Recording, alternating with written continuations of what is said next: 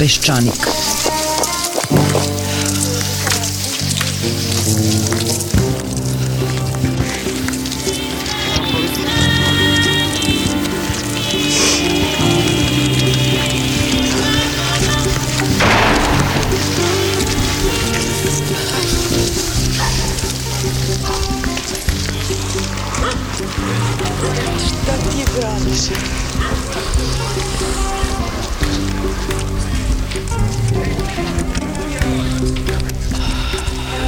Peščanik.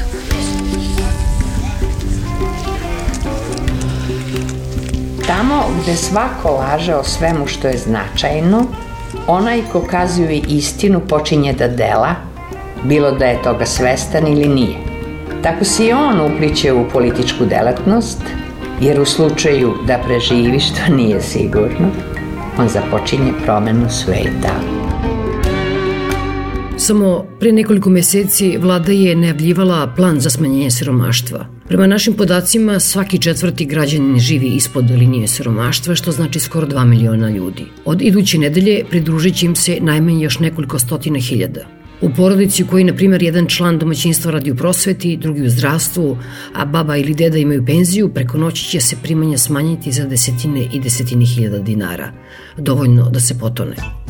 Svima je jasno da je državni budžet u katastrofalnom stanju i niko ne spori da je štenja neophodna. Ali pitanje je da li će ovo što je vlada predložila biti poje za spasavanje ili još jedan kamen vezan za noge. O tome rasprava nije poželjna. Kogod se usudio da posumnja u neke brojke navedene u rebalansu, da ukaže na druge koje ne idu u prilog Vučićevom snu o Nobelovi nagradi za ekonomiju kao posledici ovakvog genijalnog plana, odmah je dobio po nosu.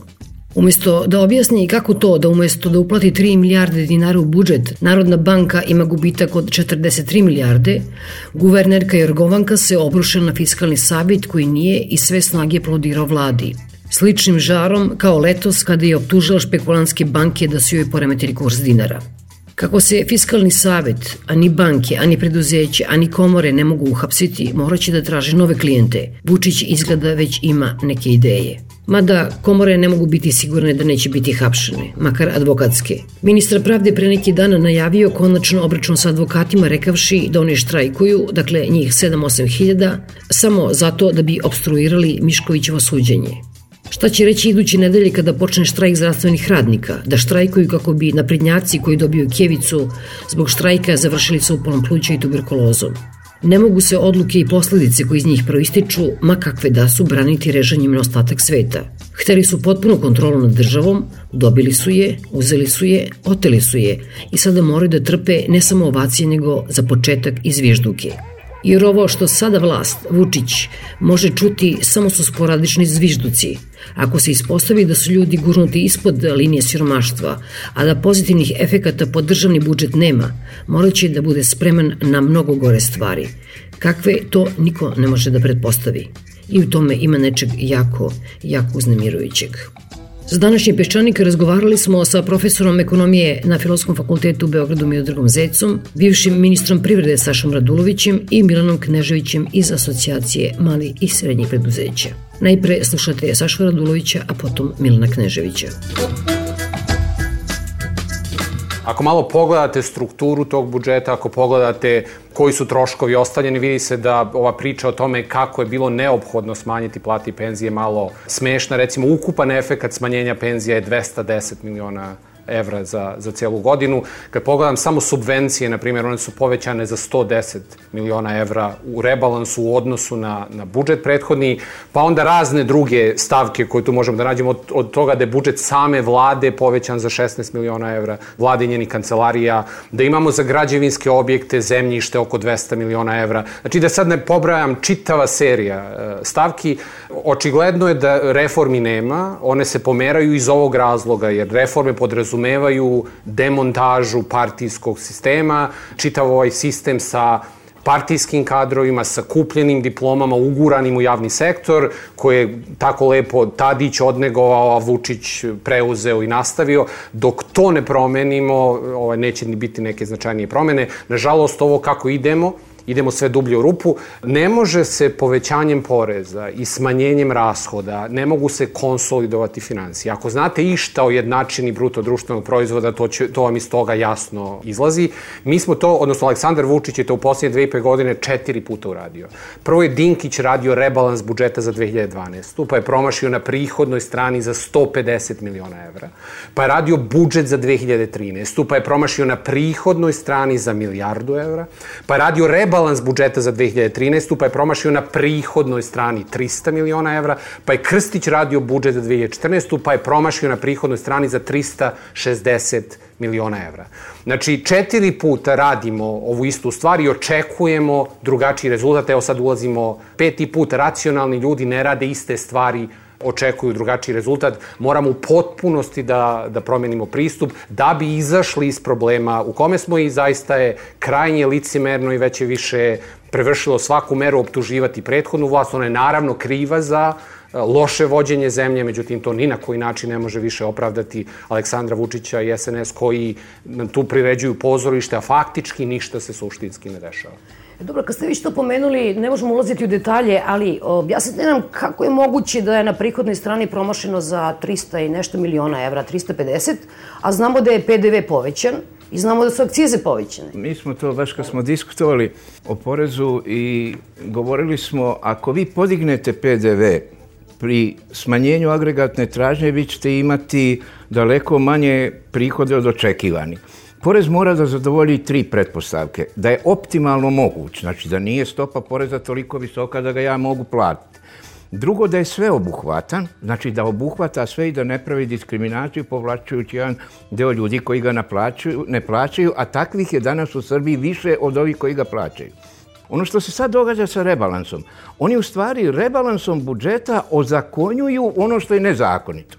Recimo, prvi put se dogodio pravi nonsens da se javnom preduzeću, gradsko saobraćajno preduzeće, da mu se dodeljuju sredstva iz budžeta.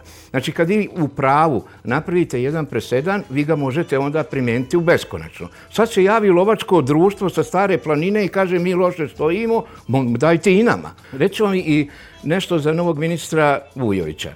On je predlagao tako zvani programski budžet. Programski budžet je sjajan budžet i na insistiranje zemalja iz Evropske unije mi smo ga primjenjivali probno u pet ministarstava. To je koštalo enormni novac, niko nije htio da bude kontrolisan, on se zasnio na tome da je ministar menadžer koji delegira jedan svoj projekat, Skupština mu ga odobrava, on ima monitoring nad izvršenjem i pravda sredstva koje je za to uložio. Ma nikom ne pada na pamet da bude kontrolisan. Mi bismo ostali bez političara kad bi oni prihvatili da budu kontrolisali. Ministar Vujević je napisao knjigu o tome. Evo, došao je i neki dan smo mu sugerisali da uvede programski budžet, kaže, nije još vreme za to. Hoću vam reći, ovo se pretvara u jednu metafizičku farsu, To je takav zbir improvizacija koje dnevno dolaze u konflikt i ministri i predsjednik vlade. Evo, ministar Vujović kaže nećemo kupovati likvidnost tako što ćemo, mogli bismo dve godine da kupimo ako prodamo Telekom i prodamo udio u EPS-u. Danas predsjednik vlade kaže mi ćemo prodati Telekom i prodati EPS svestan da mere smanjivanja penzija i plata imaju bilansno nulti efekt. I nažalost, shvataju da ukoliko ne prodaju Telekom, nama je vreme našem, našim financijama je oročeno na godinu dana i poslije toga pašće i penzije i plate i neće ih uopšte biti. I u narednih godinu dana, ako nešto ne preduzmemo, a to izgleda shvataju i oni pa prodaju EPS i Telekom, pašće budžet. To će se neizostavno desiti. Znači, ovaj, isto kao što je Aleksandar Vučić 10. marta najavljivao da je on i SNS da su garanti da neće doći do smanjenja penzija, pa onda dolazi do smanjenja penzija. Isto tako, kao što Milan kaže, oni moraju da prodaju, znači ovako kako idu, ako ne preduzimate nikakve reforme, ne postoji drugo rešenje te jednačine, ovo neće smanjiti deficit, u stvari idemo u potpuno pogrešnom pravcu, a to, to sa prodajom kako Telekoma, tako i aerodroma, tako i Lutrije, tako i EPS-a, RTB Bora, ovo se već najavljuje, znači već jedan e, duži period se polako pušta u javnost, ne bi li se javnost pripremila na to. To je ovo, kod ministara, vi tu nemate projekte, nemate da, se, da, da opravdate to, nego praktično imate ćup, iz koga delite. Recimo, Ćup ministarska prirede je bio 300 miliona evra. I onda imam red ispred kabineta Svi traže deo para iz Ćupa. Recimo za skijališta su tražili ovaj čudan. A koja skijališta? Preduzeće skijališta Srbije koje je formirao ministar Dinčkić sa namjerom da ga jednom privatizuje. Oni smo hvalospeve dizali kako je to jako efikasno, a onda se na staroj planini, znate, najveći izazov za naše političare, ja mislim, intenzivniji od demona Erosa, su investicije. Oni se bave politikom samo zbog investicija, bez obzira koliko je to opravdano ili nije. Jer vi samo na investicijama možete da kanališete to na privilegovane grupe ljudi ili izvođače i da uzmete velike provizije. Znači, to je reket, odnosno mi to zovemo burazerska ekonomija. Znači, to je suština toga. Da ja mogu da raspoređujem taj novac kako meni padne na pamet i od toga, naravno, vučem neke druge privilegije i to nam je politički sistem koji smo izgradili dugi niz godina. On jako, jako mnogo košta. I sad, e, ovaj, prodali smo šta smo imali da prodamo kod ovih preduzeća o restrukturiranju, pa sad su nam ostala javna preduzeća, ali to ima neki svoj logičan kraj. Šta god se desilo, što će biti zajednička karakteristika svega, novčanici su sve tanji. I kad govorimo o ovom padu prihoda, ljudi ne samo da kupuju manje mesa, nego kupuju manje hleba. Lekove na koma. Znači, mi smo došli do tog nivoa i onda, recimo, povećate stopu PDV-a sa 8% na 10%, a porezki prihodi od PDV-a nam padnu za 250 miliona evra. Na višu porezku stopu. To vam govori da ljudi manje troše. Podignemo akcize, prihodi od akciza drastično padnu. 160 miliona evra. Znači, to, to je sad deo te matematike u kojoj podizanje poreza vas vodi ka manjim prihodima. Ovo je sve posledica činjenice da se nikakve reforme ne sprovode. Evo izašao je i novi izveštaj Svetske banke koji govori o stanju privrednog okruženja u Srbiji. Pali smo na lesvici 14 značajno. Na kraju sve te reforme su u potpunosti zaustavljene i vraćamo se na Dinkićev perpetu mobile model ekonomije gde se nadamo da će neki strani investitori, mekog srca pretpostavljam, doći u Srbiju i pored nas ovoliko nesposobnih nam urediti naš sistem i napraviti da nama bude dobro. Eto, to je otprilike mit o o kome govorimo već toliko godina. Za to vreme umire nam domaća ekonomija mi godinama, ne samo od Vučića ili od Miloševića, mi upadamo u stanja euforije i u stanja agonije. Pa od 90. do 2000. jedna euforija, pa agonija, pa euforija, pa agonija i ovo će tako završiti. Vidite recimo oko penzija, kako se to brani. Ja sam uzeo nekima, a nekima ću dati. Cijeli budžet i cijela logika ovde ide da se nekome nešto uzme, a da se nekom da. Ovde nema predstave šta treba da se financira. Ovde se sada trenutno nema mnogo šta uzeti, sem duga. I ovako i strukturi starostoj stanovništva to neminovno vuče u krah. Milan kaže programski budžet. Ovde niko nije, ovde se samo zamenjuju teze. Ovde vlast izlazi i poslovni svet izlazi sa jednom predstavom da neko nekoga ovde izdržava. I sad Vučić kaže, ja neću da vas hranim. Pa mene Vučić hrani. Onda nam moj, moj zemljak i prijatelj Mila Krežević kaže, ja neću da plaćam. Pa nemoj da plaća. Znači, ovde se jedno... Porez ovakvoj ne, vlasti. Ne, ne, ovde se jednostavno jedno pitanje objasnio. Šta je, šta je država? Ovde se država svata kao jedan strašno veliki alat za otimačinu od svi od svakoga. I ovo je jedan zverinjak koji će neće se dobro završiti. Reforma bi po meni podrazumijevala sljedeće. Da se kaže, nekada je država koštala 5% GDP-a. Pa je koštala 8%, pa je koštala 15%, pa je koštala 45%. Zavisi kako hoćeš državu. Ako hoćeš liberalnu državu, ona je jeftina, ali ti ne daje na rashodnoj strani to i to. A ako hoćeš socijalnu državu, ona je skupa, ali ti daje to i to. Recimo, naš posao je sve to će liberalna država kad plaća porez, a hoće socijalno kad se leči. I kad mu djeca idu u školu i kad mu baba ovaj, slomije nogu pa treba da ima tri geroto domaćice. I hoće tu. E, ne vidi da su to dve stvari.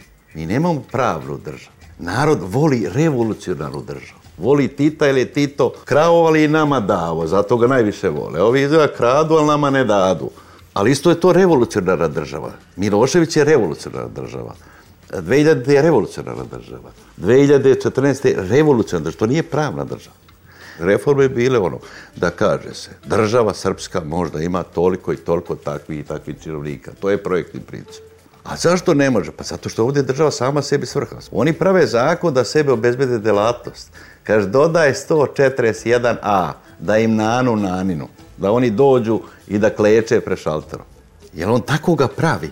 On ga ne pravi kao pravna država da on vas postavi prava, nego da obezbedi moć, da obezbedi vlast. Ti praviš namjerno vašarište jednu u kome je sve moguće pa što ti čuđavaš, što imaš hiljade fantomskih firmi i tako dalje. Znači to se treba doneti. Pa da kažeš javne službe. Jel treba zdravstvo? Treba. Pa da kažeš, srpska država treba da ima dva centra vrhunska, gdje se ljudi operisat ne u, ne u Solunu, u Beču, u Istanbulu i tako dalje. Pa mi, mi ne izvezli nikakve robe, mi smo izvezli hiljada i po doktora, mladi ljudi od 25 godina vrhunskih studenta. Mi smo izvezli sad 10 ljudi sa matematičke gimnazije, a profesor nas manji platu. Pa nek izvezu ove poslanike, ministre, nje izvezu. Ovdje se javlja jedna potpuno zamlja teza, to samo što pujdaju se jedni na druge. Pujdaju se džadze da tuku svoje nastavnike. Da su nastavnici krivi zato što mora sve što plati škola. I onda glavni ovo što kaže Radulović, glavna je stvar javna preduzeća i tu, ja mislim, najveći je tu haos. Ali ovdje država, ovo je potpuno ludilo, ona uzima, uzima pare da daje subvencije. Pa evo, sećate se koliko je Dinkić nas razveseljavao sa murom ovom, kako zove? Aha, mura. Ovo, kako zove, prvi maj ovo. Mm, ja evo, pisao. sad, evo sad u stečaj. Pa nas je uveseljavalo ono kad su oni Grci došli Jumko po, po uteko sa parama i tako dalje. Pa sad Vučić kaže, kogod kaže da će dati, ja ću dati više. Ko si ti, čije ti daješ i koja je garancija da će nešto biti? Koji su efekti toga? I koji su efekti? Znači, ti moraš sad imati jasan sistem. Kažeš, ok, hoću malu državu, to će toliko koštati. I hoću da ove javna preduzeća restrukturiraju, da se struja mora platiti. Pa kako je to država u kojoj neko napravi milijonski dug za struju, ima vilu na dedilji i dobije popust 40%? Koga oni subvencionišu? Koga? I ja mislim da bi se to pitanje odgovorilo, znači da se zna šta se finansira, to je taj programski budžet. To je to. Što je Vujić pričao, pa sad kaže nije još vreme. Sve je vreme, ali dok sam ja na vlasti, daj da ja, da ja imam i nož i pogaču, da ja kantar ovaj, recikliram prema svojoj meri. I onda bi se moglo nešto uraditi. Mi moramo da vidimo. Ovo je sramno, bre, čovječe, pa se smanjuju iz plate i penzije, a povećaju za političke partije. I primjera rade, evo, evo recimo šta će se desiti. Znači, ti si srušio ovde penzije. Niko ovo što smo mi uradili nije niko uradio. Ni Litvanija, ni Letonija, ni Rumunija, ni Grčka, niko. On je uzeo pa je smanjio penzije, ali on smatra da je iznad 25.000 da je to raj i on je smanjio ove iznad 25.000, ove do 25.000 ostavio. Verovatno vođe logikom da su to moji glasači. Ja svojima neću dati, ovi neko ne glasuju za mene. Ovi koji su profesori filozofije. Oni imaju 40.000. I oni su, kaže, protiv mene i njih ću ja da podavim. E, gledajte, znači, kad vi imate jedan penzioni sistem, bez obzira što nas penzioni sistem je iz ruke u usta. A kako je on nastao? Pa nastao je što sam ja 24% od svakog svog primanja odvojio za penzioni sistem. Ja sad kažem, oni iza 25 će biti kažnjeni, a oni će biti nagrađeni. To nikakve veze nema sa socijalom. Ja znam pouzdano, ljudi koji imaju 25.000 penzija imaju frizerski salon ili imaju pekaru. To nije socijalna funkcija. To, ja ne mogu iz toga znati. A znam pouzdano profesorka matematike sa 38.000 penzije da izdržava dvoje dece i muž je umro. Recimo, konkretno. I, I ona je socijalni slučaj sa 48, a ova nije sa 25. i Tako. Nego šta se time uradilo? Ako ste iz aktuarskog računa redefinisu jedno svojinsko pravo, Država može da smanji linearno penziju, može da uradi što Republika Srpska uradila, koliko skupimo u budžetu, toliko ćemo dati. Može da reši socijalna pitanja na socijalni način. Može da reši ako je neko bogat preko poreza. Ne, on je upravo uradio nešto što nije svoj raditi. Ja sam sam na jednoj svadbi bio u centralnoj Srbiji i seljaci koji imaju 12.000 penziju, nisu ni plaćivali doprinose, oni likuju. Kaže, to Vučko. Ja kažem, dobro ljudi, eto, on je oteo sad ovima koji imaju 80.000, a šta ćete vi, reku, radite ako se on seti, a možda se seti, da kaže ovi koji imaju 10 hektara da im se uzmu dva, a da ovi koji imaju jedan da im se daje tri. O, kaže, kako će to? Pa to je ista stvar. To je jedno definisano svojinsko pravo.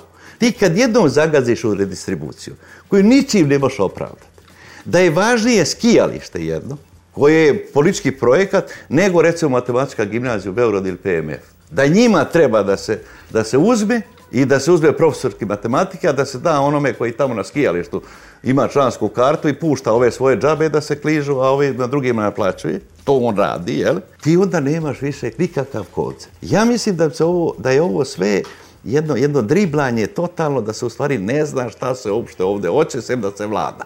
Ali problem je što se više nema čime vladati, jer država umire, stanovništvo stari i samo je predmet duga.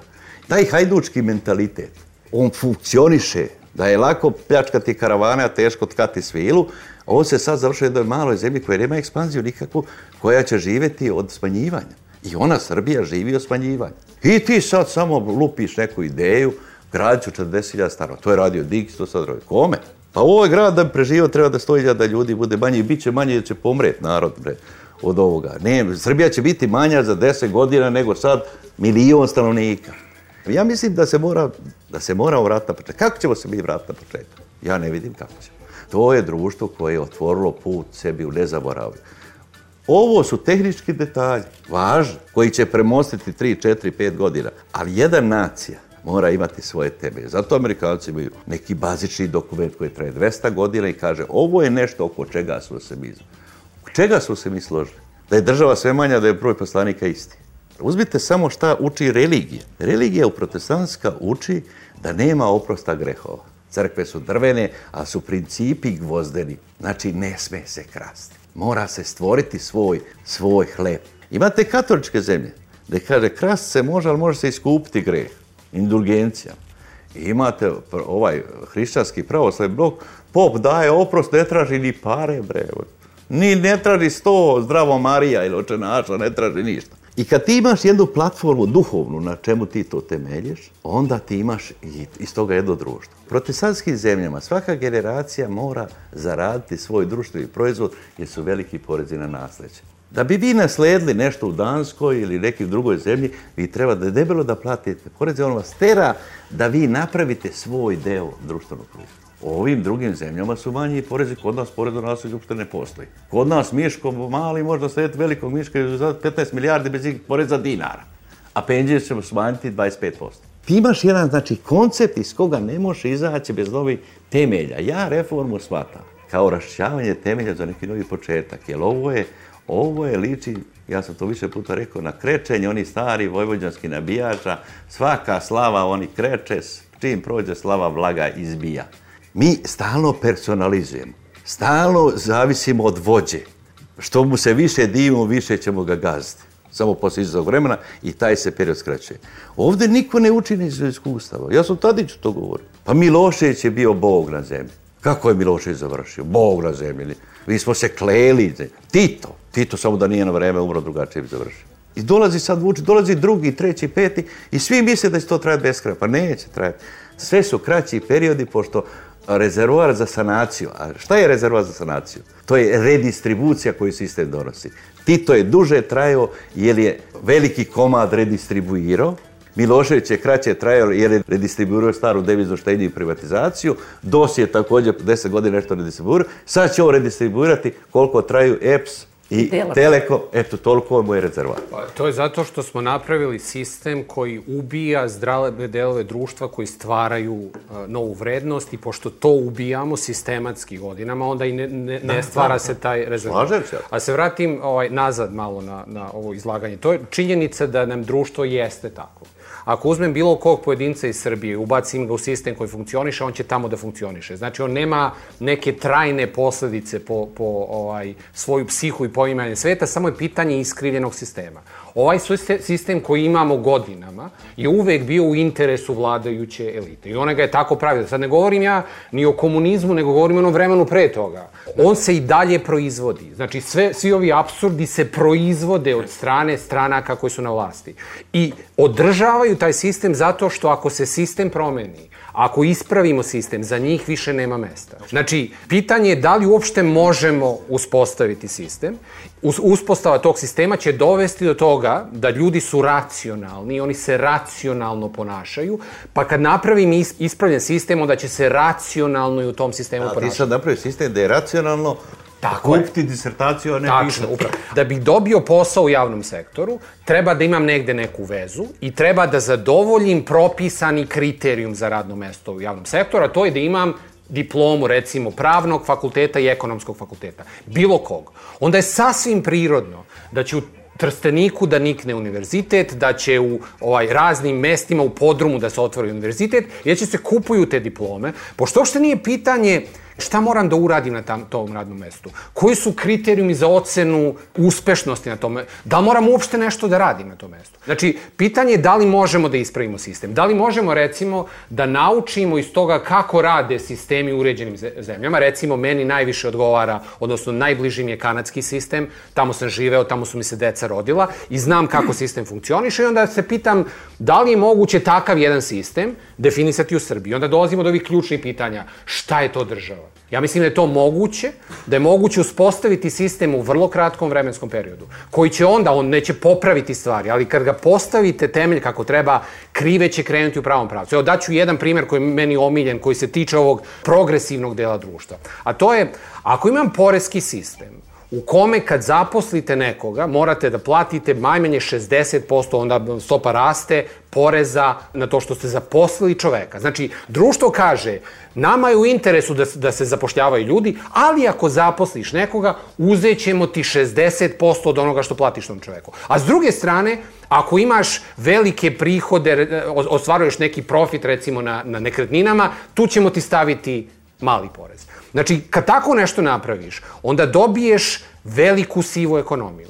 Jer u, u doba krize padaju prihodi, firme beže u sivu ekonomiju. U Srbiji je milioni sedamsto hiljada zaposlenih, od toga sedamsto hiljada u javnom sektoru, milion u privatnom, od tih milion sedamsto hiljada radi u mikro i malim preduzećima, porodičnim firmama. I još pola miliona ljudi radi na crno. Jer kad pobegnete u sivu zonu, imate veliku uštedu da ostvarite. A kad pogledam najkapitalističke zemlje na svijetu, oni imaju progresivan sintetički porez koji kaže zaradim malo, platim malo, zaradim više, platim više. I u tom sistemu onda nemam razloga da izbegavam plaćanje poreza, zato što je porez razuman, to dolazi na ovo što ste rekli. Ovo je regresivno. Pa ovo je potpuno regresivno. Znači, ide Ovde uzmeš milijardu eura i platiš 10%.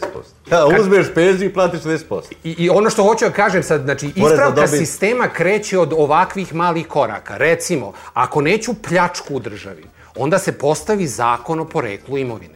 On je vrlo jednostavan zakon. Kaže, ako kupuješ neku imovinu, morao si da imaš zakonite prihode na koje si platio porez u visini imovine koju si nabavio. Recimo, ovaj, mi se sad u političkom pokretu dosta je bilo, ja, ovaj, finansiramo se od članarina, verujte, dolaze nam biznismeni i namjerno koristim ovu reč, i nude nam da nam daju pare za finansiranje. I znate koji je jedan od uslova? Imaju pravo na promošene investicije. Da, da, pa, pa zato što praktično oni gledaju, uzmete sve stranke, svakom bi da date pomalo, vi se osigurate, a recimo uslov je da odustanemo od donošenja zakona o poreklu imovinu, recimo to je jedan od ključnih elemenata. Kad recimo mesečno objavljujete izvršenje budžeta, ali ne samo koliko je novca potrošeno, nego spisak pravnih i fizičkih lica koji su dobili novac iz budžeta, pa i univerziteta univerziteti, na primjer. Pa svaka javna ustanova. Pa kad objavite svaki ugovor, prostor za korupciju se drastično smanjuje. A onda uvodite recimo kriterijima ovo o čemu Milan govori. Pa kad bi neko recimo seo i pokazao kako, koliko smo fi finansirali Fiat, a koliko nam od Fiata dolazi, možda bi nekom palo na pamet da to nije baš najpametniji način trošenja novca. Recimo mi danas, građani Srbije danas za zaposlenu Fiatu plaćaju doprinose na teret poslodavca. Porez na zemljište. Znači, to, to, to, to je neverovatno nešto. Mi da imamo institucionalnu vlast, onda bi gospodin Radulović bio prav, jer bi institucije jako brzo popravljale društvo i ljude i građane nisu Nemci mnogo savesni od nas, nego je sistem njemu, primjenom zakona, tačno mu rekao šta sme i šta ne sme. I on uvijek ima u svijesti tu autokontrolu koja kaže ukoliko pogrešno parkiraš, 200 evra. Ti ponovo pogrešno parkiraš, oni imaju idiotni test. To je za one koji su skloni da greše tamo, recimo, prođe na crveno. Idiotni test košta 800 evra i sastoji se od zelenog i crvenog kvadrata i pitanja hat hir diference. Ako ti kažeš ima razlike između zelenog i crvenog, ali ti platiš 800 evra jer nisi normalan pošto prođeš kroz crveno. Mi imamo antidržavu sa antisistemom, sa antiljudima, sa antikadrovima i uporno generišemo što veći obim anarhije kako bismo sve što manje odgovarali i pred institucijama, i pred narodom, i pred zakonom. I Srbije se ukralo 50 milijardi, ne manje od 50 milijardi. Niko ni zašto nije odgovarao. Jer se kreiraju zakone, evo što profesor kaže, mi kreiramo zakone po kojim ćemo krasti. I kad nekog pokušate procesuirati i, i potignete optužnicu, on kaže, ja sam samo radio po zakonu. I zaista je radio po zakonu. On neće da kaže da mi, evo, u ovom trenutku, čak 92% zakona ide po hitnoj postup proceduri. Evropska unija im kaže da tako ne može. Da je zakon zajednički imenitelj najvećeg broja građana i da ta treba uobliči njihove interese kroz javnu raspravu. Ne, mi smo zakone prečicom, napišu ih diletanti, usvoje još veći diletanti, a primjene najveći diletanti. I onda šta ti očekuješ od zakona koji je a priori postavljen da ne funkcioniše, da ne bude primjenjen? Ne, on ukrade u ovoj firmi, uzme 25.000 evra od premnine u toj firmi, ode u drugu firmu, ukrade u toj firmi. Strašno je to. Ja znam konkretne slučaje. Uzme iz bivše SCG, pa u srpsku vladu, pa iz srpske vlade u javno prezeće, pa iz javno prezeće ponovo u vladu. Znam jednog čovjeka koji je pet puta uzeo od prevnine. E, e, ovo što Milan kaže, ti praviš sistem da to radiš. Pa ti si prošao najveću hiperinflaciju u Evropi, koja je regularni osnov da se ovo ogromno bogatstvo legalizuje.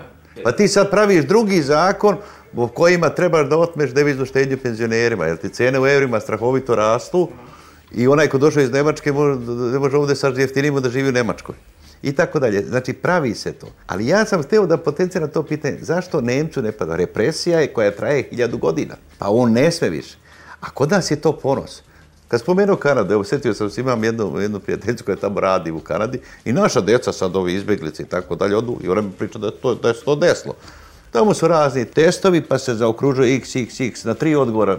Naši ovi se sete genijalni, mi smo hajdučki narod. On zaokruži sva ta tri odgovora, a profesor ima čitač elektronski, on to ne čita sve, on ubacuje, izbacuje samo 100%, 100%, 100%.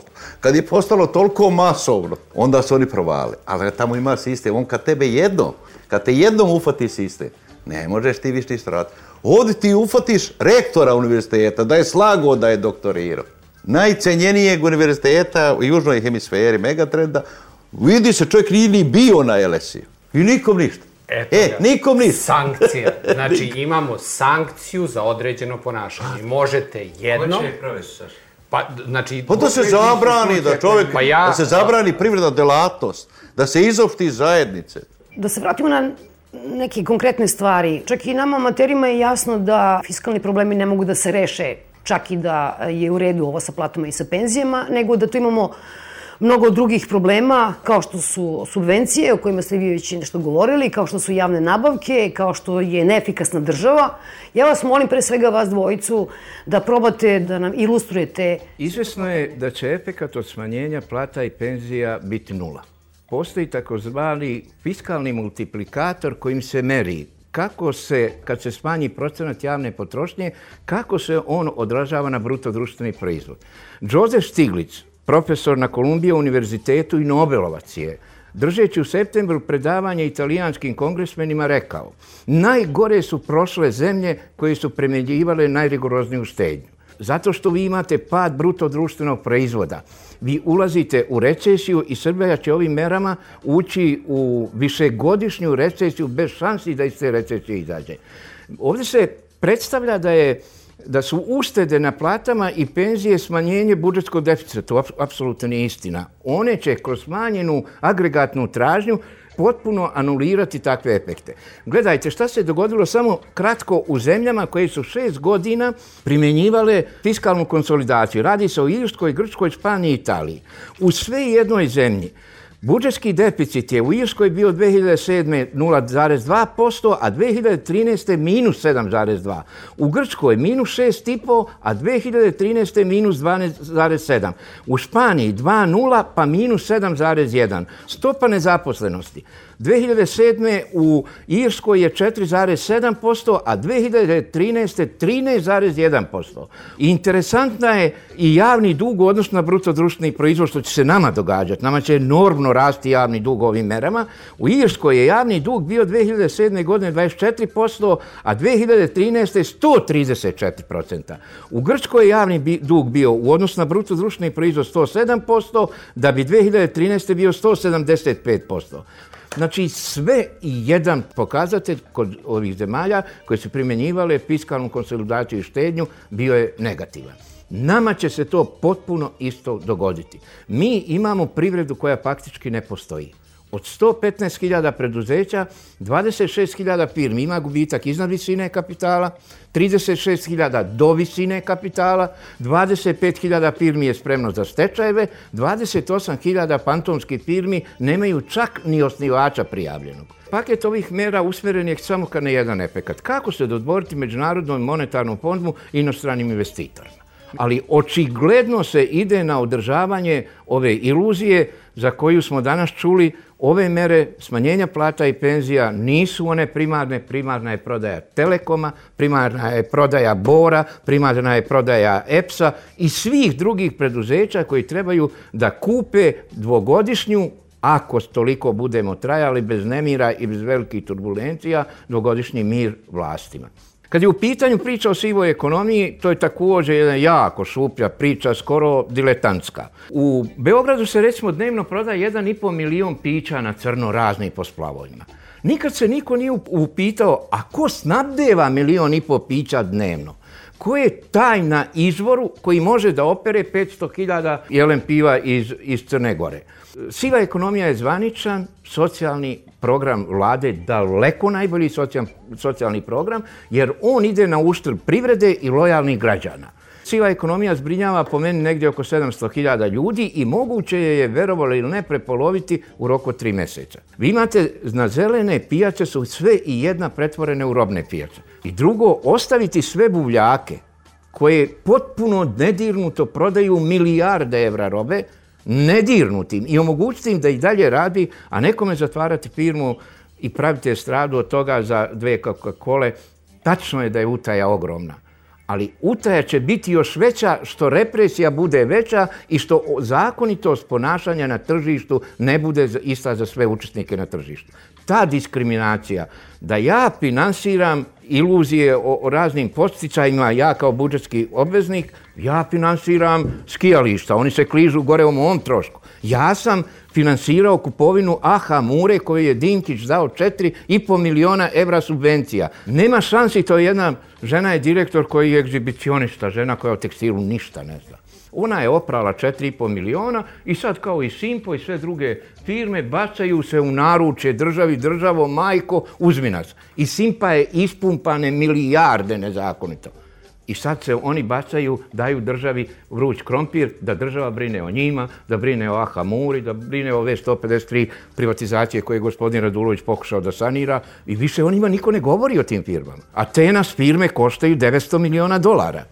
Besmislene su ustede na jednoj strani koje se troče potpuno iracionalno na drugoj. A Aleksandar Vučić je na vlasti dve i po godine. Znači, on pokušava to da sakrije, kroz medijski mrak pokušava da sakrije šta se tu zaista dešava. Znači, nije šest meseci, nego dve i po godine.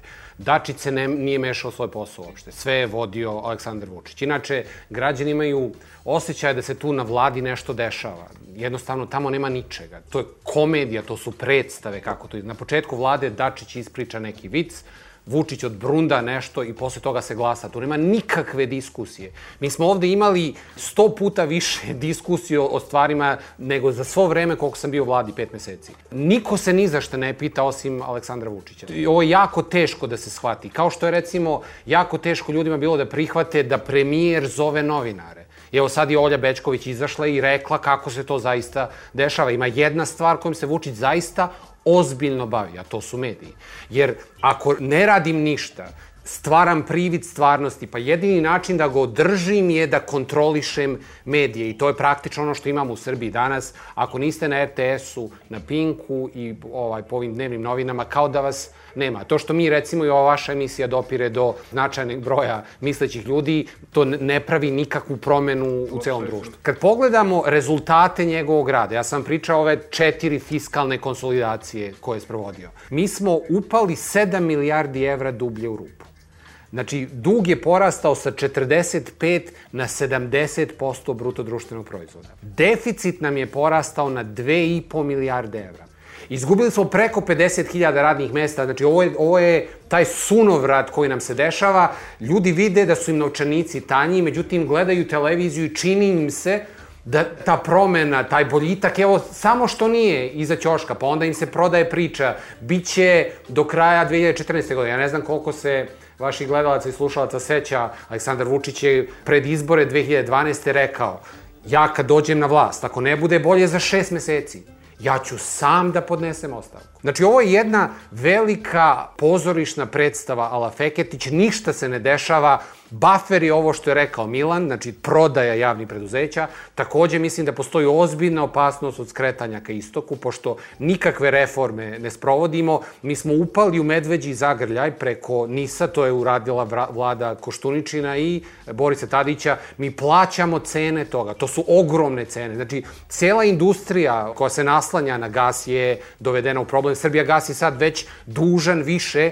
nego što mu je vredna imovina i Rusi su tu na vratima da to, to preuzmu. Znači, to je jedno nedomaćinsko ponašanje koje smo imali toliko vremena. Ono se nastavlja, ovo su spasonosni vatili, nažalost, to ništa neće uraditi na novčanicima građana. I mislim da će na kraju ova vlast pasti na tome, jer vi možete da stvarate taj privid jedno vreme, odnosno možete da varate sve ljude neko vreme ili neke ljude svo vreme, ali ne možete baš sve ljude svo vreme. I mislim da polako dolazimo do kraja to, do toga. Nažalost, svima će nam biti loše. Znači, upašćemo još dublje u rupu, međutim, postoji nada ako dođe do političkih promjena. Kako sad stvari stoje, potrebno je neko vreme da spadne ova, odnosno da padne taj medijski mrak, ne bili ljudi na osnovu toga što su im novčanici tanji u stvari počeli da gledaju svojim očima i da konstatuju car je zaista go.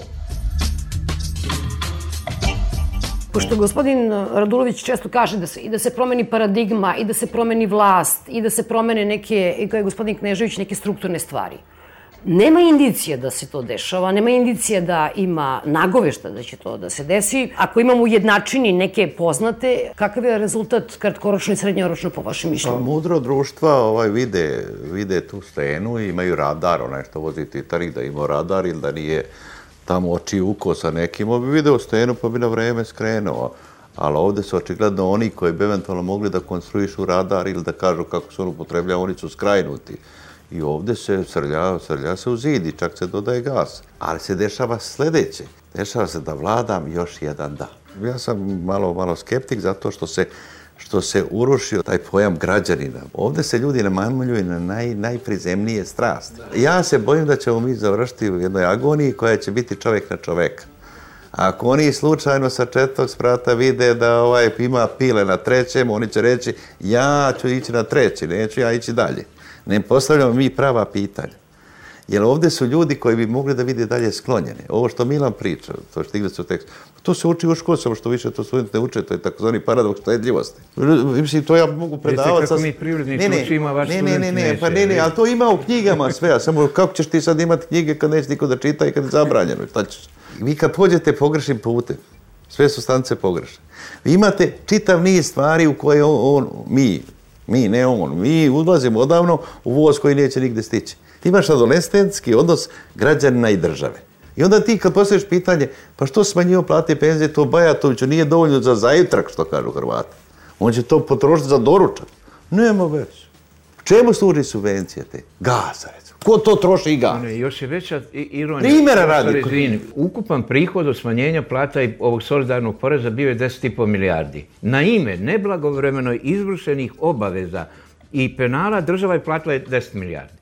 Znači, samo zato što je po presudama i u obavezama nije blagovremeno izvršila, platila celokupni solidarni U budžetu je trošak za kazne 80 miliona evra. Znači, u ovom rebalansu su povećali Sjetio sam se jedne metafore. 60 miliona. Kad si ti algoritam srušio, kad ti ovdje stvaraš utisak da je svako nešto nešto dobio nezasluženo i da svako treba da ćuti i da svako misli da se nešto ogrebati. To je počelo sa raspadom 80. godina. Onaj ko je kupio virše na ček na poček, i propala banka. On kao, ja sam drpio virša, ja kokoš, ja cipele, ja orbar, ja auto. Ovo je oteo Karić pola države. Ali kad i ja sam nešto oteo tu. E pa sad kaže ovi subvencije, možda će i meni dati 2 miliona, ovome će dati 200 miliona Indus. I stalno ja namamljujem se na najprizemniji u čoveku.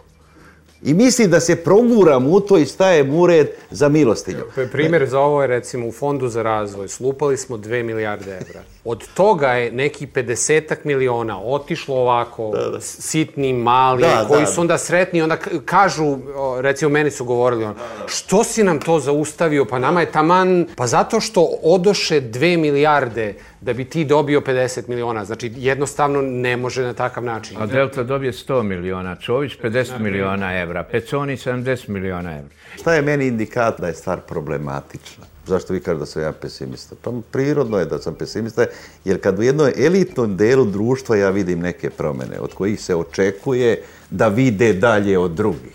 Ne očekuju. Penzioneri će dignuti kad na kraju ne mogu imati šta da jedu znači student filozofskog fakulteta. Znači, oni imaju sad neki protesti. U redu je to. Po prvi put za moje karijere, ja sam 40 godina pre nove ere, znači, studenti postavljaju jedan trivialan i lični zahtev. Po prvi put se ne postavljaju koncepcijski pitanja.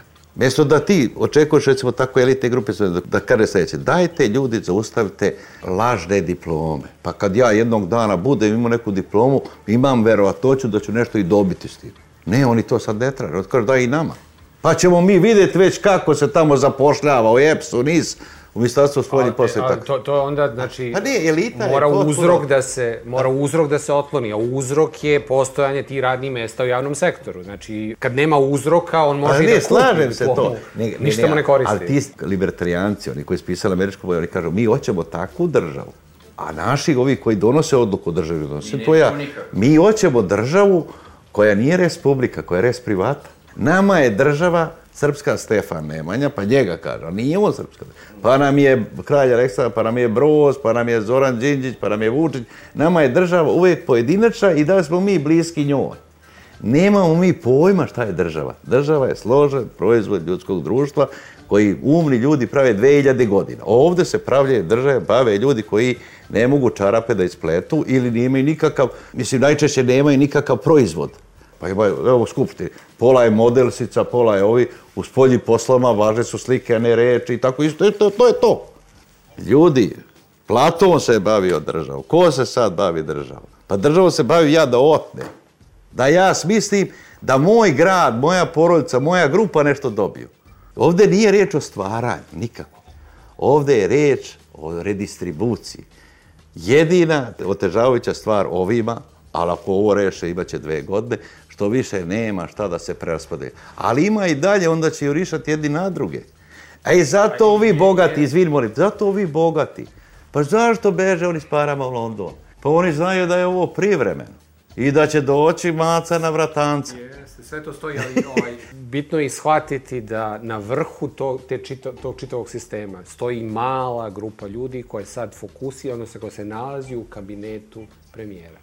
Znači, par porodica koji se tim bave i za toga nema ništa. Postoji Dobro, samo vi ste verovatno pouzdan svedok, ovaj, ja mogu da verujem. Postoji privid vlast, da tu postoji neki ozbiljan sistem i neka oz... nema ničega.